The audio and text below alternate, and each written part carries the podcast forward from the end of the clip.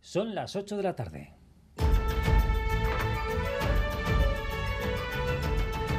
Crónica de Euskadi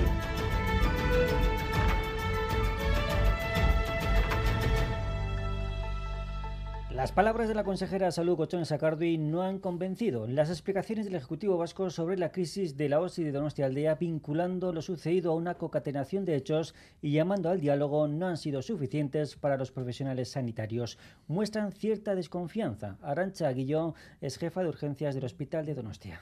Nosotros lo que pedimos es la readmisión de las dos eh, directoras dimitidas o cesadas y después los subdirectores dimitidos y, y la verdad es que eh, ahí no somos muy optimistas. No sé, la de, de consejera hablaba ayer de diálogo, pero no sé exactamente con qué armas quiere dialogar o qué tiene para ofrecernos. La oposición insiste en pedir la dimisión de Gochones Sagordi, mientras que el gobierno vasco, a través de su portavoz Bingen Zupiría, mantiene su disposición a hablar para buscar una solución.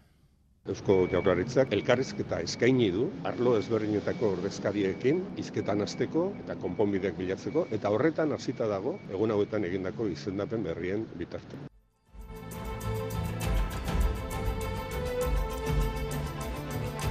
Y en este 6 de diciembre se celebran los 44 años de la Constitución española. Esta mañana el Congreso acogía los eventos tradicionales con la ausencia ya habitual de los representantes del nacionalismo vasco y catalán. Mientras Pedro Sánchez pedía responsabilidad al PP con la Carta Magna, el portavoz en Chale, Aitor Esteban, ha denunciado que en esta legislatura se han invadido competencias vascas. Y por eso hago un llamamiento más a la responsabilidad de los eh, partidos conservadores de la oposición para que cumplan con sus obligaciones constitucionales, porque mientras no lo hagan no van a poder dar ninguna lección de constitucionalismo. En el ámbito del autogobierno, pues hemos asistido a una andanada de decretos leyes que han invadido nuestro autogobierno, apoyándose en dos crisis, en la COVID y en, uh, y en la crisis de la guerra de Ucrania como excusa. Pero esto ha sido así, y no solo por parte del presidente del gobierno, sino que también ha sido muchas veces impulsado eh, por, por, Podemos. Y en los corrillos de este acto de la Constitución, Pedro Sánchez ha anunciado que están dispuestos a una reforma limitada del delito de malversación, aunque dejando fuera los casos de corrupción y lucro personal.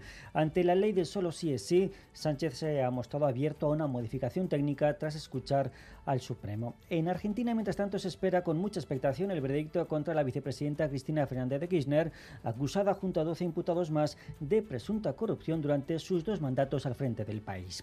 Y en casa, en Baracaldo, un incendio incendio registrado a las 2 de esta tarde ha obligado a evacuar un edificio de cinco plantas en la calle Sieve. Dos de sus vecinos han sido evacuados al hospital de Cruces por inhalación de humo. Dos horas después, el resto de vecinos ya podía regresar a sus viviendas. Y terminamos esta portada con la actualidad deportiva que pasa por el Mundial de Qatar. Marruecos pasa a cuartos y España queda eliminada. Por el momento todo transcurre con tranquilidad y sin incidentes en las zonas como el barrio de San Francisco de Bilbao, el Arenal o la plaza de la Virgen Blanca de Gasteiz, donde se concentran muchos aficionados marroquíes. Actualidad deportiva, Coñón Zubieta, Rachaldeón. Hola, Rachaldeón. Marruecos se ha impuesto, como decías, en la tanda de penaltis a España en los octavos de final de la Copa del Mundo de Qatar, después de llegarse al final del tiempo reglamentario con empate a cero, prórroga incluida. Se ha recurrido al lanzamiento de las penas máximas, donde los marroquíes han sido más certeros, anotando tres por ninguno España. Sarabia ha lanzado al palo y Bono ha atajado los disparos de Busquets y Soler. Unai Simón ha parado uno de los penaltis. Esta derrota supone la gurda del meta del Athletic y de Nico Williams, que ha disfrutado de minutos en este encuentro. En cambio, los asunista Abde, que también ha actuado hoy, siguen la competición. A las 8 ha comenzado el otro partido de los octavos de final. Portugal-Suiza, llevamos cuatro minutos, de momento empate a cero. Por otro lado, el Atlético ha disputado su primer encuentro amistoso tras el parón liguero y la competición coopera. Se ha medido en Andúba al Valladolid, al que se ha impuesto por 2-0 con goles de Guruceta y Sancet. Ernesto Valverde hacía una valoración positiva de un Guruceta en racha y de las sensaciones ofrecidas por el equipo. Sí, lo tiene tomada con el Valladolid. Eh, bueno, sí, lo cierto es que hemos generado ahí situaciones de gol en nuestros robos y en nuestras llegadas y él está, es un jugador certero. Cuando está cerca de la portería, en ese sentido siempre tira con, con malicia y bueno, ha hecho un buen gol además.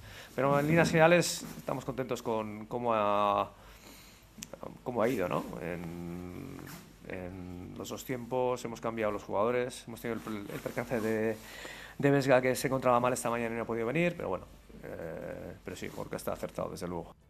Para finalizar el capítulo del fútbol, la Real Sociedad ha anunciado que Cubo se reincorporará al club el 19 de diciembre y le recordamos que el Alavés se mide mañana al Tenerife en el Heliodoro Rodríguez López. Y en pelota, un resultado de última hora, victoria de Lezcano y Tolosa ante Pello Echeverría y Rezusta por 22-21 en el Manista de Parejas. Asimismo, a las 9 menos cuarto, el Vidasoa se mide el Eurofar Pelister en Artalecu en partido correspondiente a la EHF Europea, quinta jornada. Es que ricasco, sepamos la previsión del tiempo para mañana. Euskalmet, Jonander Arrillagar, Chaldeón.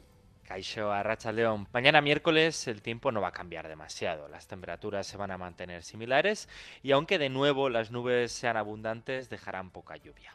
Mañana el viento se va a fijar del norte-nordeste y la mayor probabilidad de precipitación la tendremos en la vertiente cantábrica, donde no se descarta algún chaparrón puntual. En cualquier caso, será de cara al jueves y viernes cuando la lluvia llegará a todo el territorio y de forma más abundante. El saludo de Pachi González y de Miguel Ortiz en la parte técnica. Comenzamos.